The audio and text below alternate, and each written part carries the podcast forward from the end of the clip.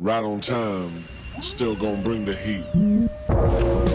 Amstel Radler, a refreshing new beer mixed with cloudy lemon.